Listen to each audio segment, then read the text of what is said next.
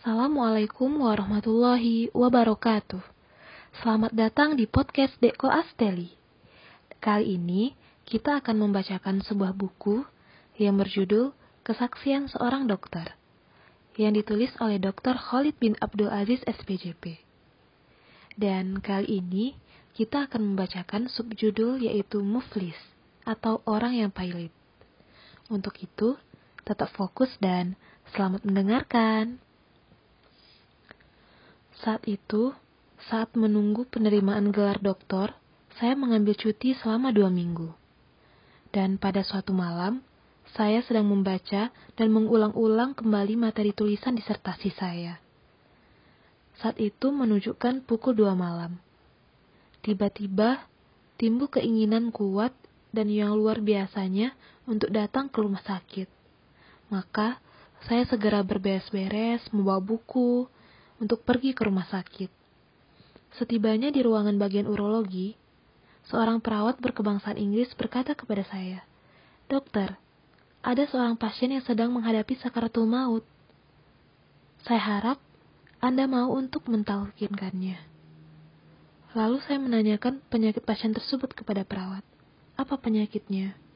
Dan perawat menjawab, ia terkena kanker urinary bladder dan kanker tersebut telah menyebar ke seluruh tubuh hingga otaknya. Dan pasien tersebut telah kehilangan kesadaran sejak empat minggu yang lalu. Lalu saya menanyakan kondisi pasien tersebut saat ini, dan perawat menjelaskan, detak jantungnya lemah sekali, dan tekanan darahnya juga lemah sekali. Dan saya bertanya, siapa namanya? Dan perawat menjawab, namanya Muhammad. Saya bertanya lagi, berapa umurnya? Lalu perawat menjawab, 40 tahun. Saya memasuki ruang perawatan pasien tersebut. Dan tahukah Anda apa yang saya lihat? Saya melihat wajah putih kemerah-merahan segar. Sehingga saya ragu apakah itu pasien yang dimaksudkan oleh perawat. Dan saya bertanya kepada perawat, inikah orang yang Anda maksud? Dan perawat menjawab, iya dokter. Sungguh, saya sangat heran dengan kondisi pasien yang segar bugar. Jika merujuk dari keterangan yang disampaikan perawat, sepertinya tidak mungkin.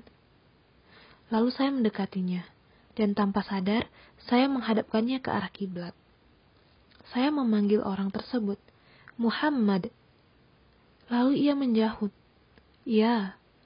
Lalu saya katakan kepadanya, Ucapkanlah asyhadu alla ilaha illallah wa ashadu anna Muhammadar Rasulullah.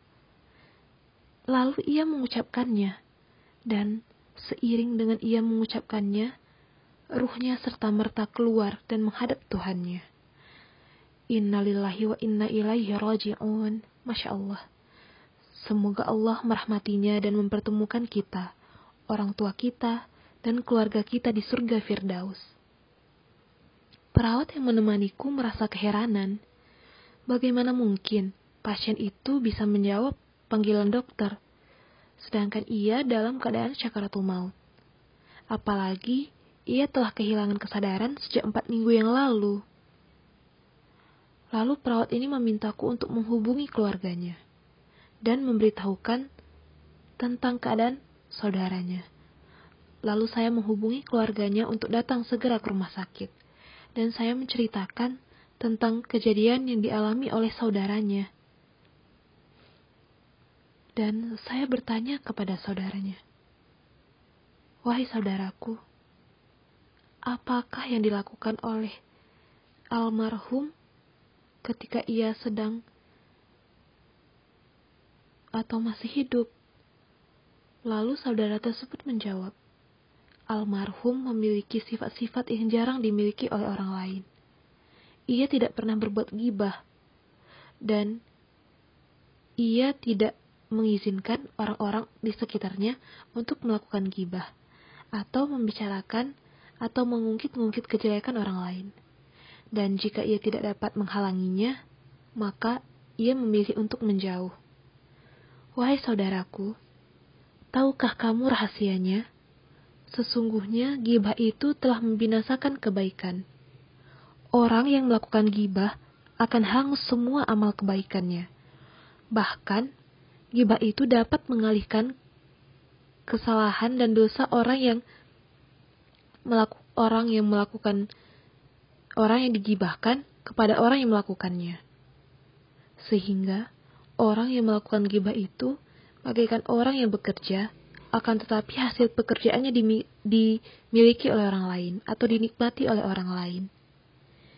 Ia bagaikan orang yang mengolah kebun orang lain, lalu meninggalkannya, sehingga apa yang telah ia lakukan atau jerih payahnya dinikmati oleh pemilik kebun tersebut. Wahai saudariku, sesungguhnya gibah adalah kesalahan besar yang dilakukan oleh anak Adam. Dan mereka jarang menyadarinya. Jika Anda terjerumus dalam perbuatan gibah ini, maka Anda seperti orang yang menampung air dalam panci yang bocor. Anda menampungnya, tapi airnya terus mengalir dari panci yang bocor tersebut. Kira-kira, bisakah kiranya panci itu untuk menampung air yang Anda taruh dalamnya? Sekali-kali tidak. Air itu tentu akan mengalir keluar. Wahai saudaraku, tahukah Anda bagaimana cara mengontrol hawa nafsu? Atau lebih gampangnya, tahukah Anda bagaimana untuk menyumbat panci yang yang bocor tersebut? Jalan keluar satu-satunya ialah dengan memperkuat keinginanmu kepada Allah. Yang memperkuatnya adalah keimanan kepada Allah Ta'ala.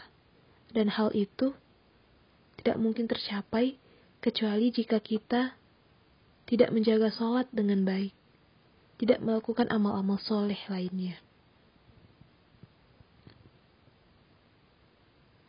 Dan janganlah pernah lupa bahwa obat yang akan segera menyembuhkan penyakit gibah adalah sholat malam. Banyak orang yang telah mencobanya, dan ternyata mereka memang merasakan bahwa sholat malam tersebut dapat menjadi benteng yang kuat untuk menjaga lidah dari penyakit gibah dan namimah atau mengadu domba. Sebagaimana Allah Subhanahu wa taala telah berfirman di dalam Al-Qur'an, surah Al-Ankabut ayat 45, yang artinya, "Dan dirikanlah sholat, sesungguhnya sholat itu mencegah dari perbuatan-perbuatan yang keji dan mungkar." Wahai saudaraku, saya ingin bertanya, jika ada dua orang yang memiliki mobil, mobil pertama itu memiliki harga seharga setengah juta rial, dan mobil yang kedua memiliki harga hanya seribu rial, maka bagaimana mereka untuk menjaga mobil tersebut? Pastinya mereka akan melakukan penjagaan atau kekhawatiran yang berbeda orang yang memiliki mobil dengan harga yang mahal tersebut, ia pasti akan menjaganya dengan lebih hati-hati. Bahkan ketika mencuci mobilnya, ia akan takut jika kain lapnya ataupun apa pun yang ia gunakan untuk membersihkan mobilnya akan membuat mobil tersebut menjadi tergores atau lecet. Sedangkan orang yang kedua dengan harga mobil yang murah, mungkin tingkat kekhawatirannya lebih rendah. Dan bahkan mungkin ia biasa saja jika memparkirkannya sembarangan atau dalam hal merawat lainnya. Begitu juga dengan orang yang memiliki amal soleh yang kuat. Ia akan menjaganya dengan baik. Lain halnya dengan orang yang telah sering melakukan maksiat, maka sepertinya sudah biasa saja seperti ia sudah terbiasa untuk mengucapkan kata-kata yang keji, atau sudah sering berbuat gibah. Wahai saudaraku, bukankah kamu menginginkan surga? Jawabannya hanya satu. Pasti, semua orang menginginkan surga.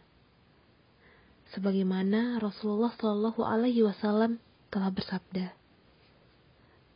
Allah telah menjamin Anda masuk surga dengan syarat Anda menjaga lidah dan kemaluan Anda.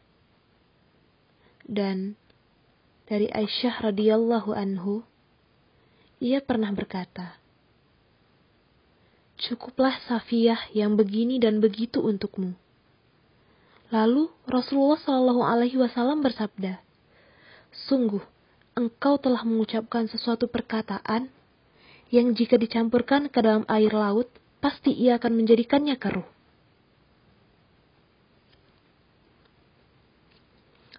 Imam An-Nawawi rahimahullah pernah berkata, Ketahuilah, hendaklah setiap orang yang telah mencapai umur balik untuk menjaga lidahnya dari semua ucapan kecuali ucapan yang bermanfaat. Dan jika perkataannya maupun diamnya itu sama kadarnya, maka sebaiknya ia diam dan tidak bicara. Karena terkadang ucapan mubah bisa menyeret seseorang untuk berkata yang salah, hingga mencapai derajat haram maupun makruh. Dan hal itu sering terjadi.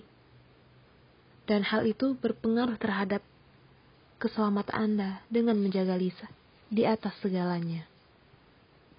Wahai saudaraku, janganlah engkau membinasakan kebaikan yang telah engkau kumpulkan dengan susah payah, hanya karena gibah yang engkau lakukan. Sehingga engkau bagaikan tukang air yang menampung air di dalam panci yang bocor. Sungguh bodoh sekali. Wahai saudaraku, Maukah engkau kehilangan kebaikan yang telah engkau kumpulkan dengan susah payah itu? Tentulah tidak. Untuk itu, bayangkanlah siksa yang pedih bagi orang-orang yang sering melakukan gibah. Untuk itu, jagalah lidahmu yang berada di antara kumis dan janggutmu, yang berada di dalam mulutmu, karena hanya mengharap Allah Ta'ala. Sungguh, Allah Maha Pengampun, Maha Penyayang, dan Maha Pemberi, sehingga dengan izinnya engkau akan mendapatkan surga. Dan karena itu, kita tutup pembicaraan ini dengan suatu hadis yang direwayatkan oleh Imam Muslim. Tahukah kalian siapakah orang yang pailit itu? Lalu mereka menjawab, orang pilot itu ialah orang yang tidak mempunyai uang sepeser pun dan tidak mempunyai harta benda.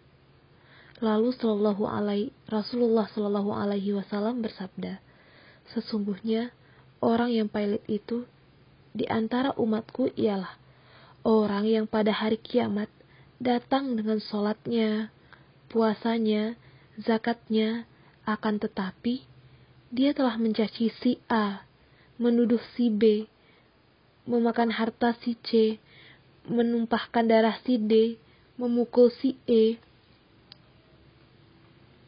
diberi sebagian dari kebaikannya. Di mana kebaikan-kebaikan ia yang telah ia lakukan itu dibagi kepada orang-orang yang telah ia gibahkan atau yang ia sakiti, sehingga sebagian dari pahalanya diberikan kepada si A, kemudian sebagian pahalanya diberikan kepada si B, begitu juga seterusnya.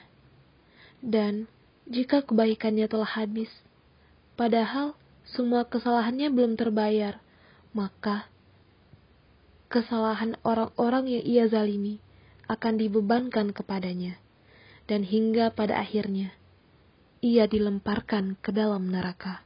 Nauzubillahimin zalik. Ya Allah, Semoga kita merupakan orang-orang yang terus berusaha untuk menjauhi gibah dan selalu berdoa agar kita terhindar dari gibah. Amin ya Allah. Terima kasih atas perhatiannya. Saya tutup dengan Assalamualaikum warahmatullahi wabarakatuh.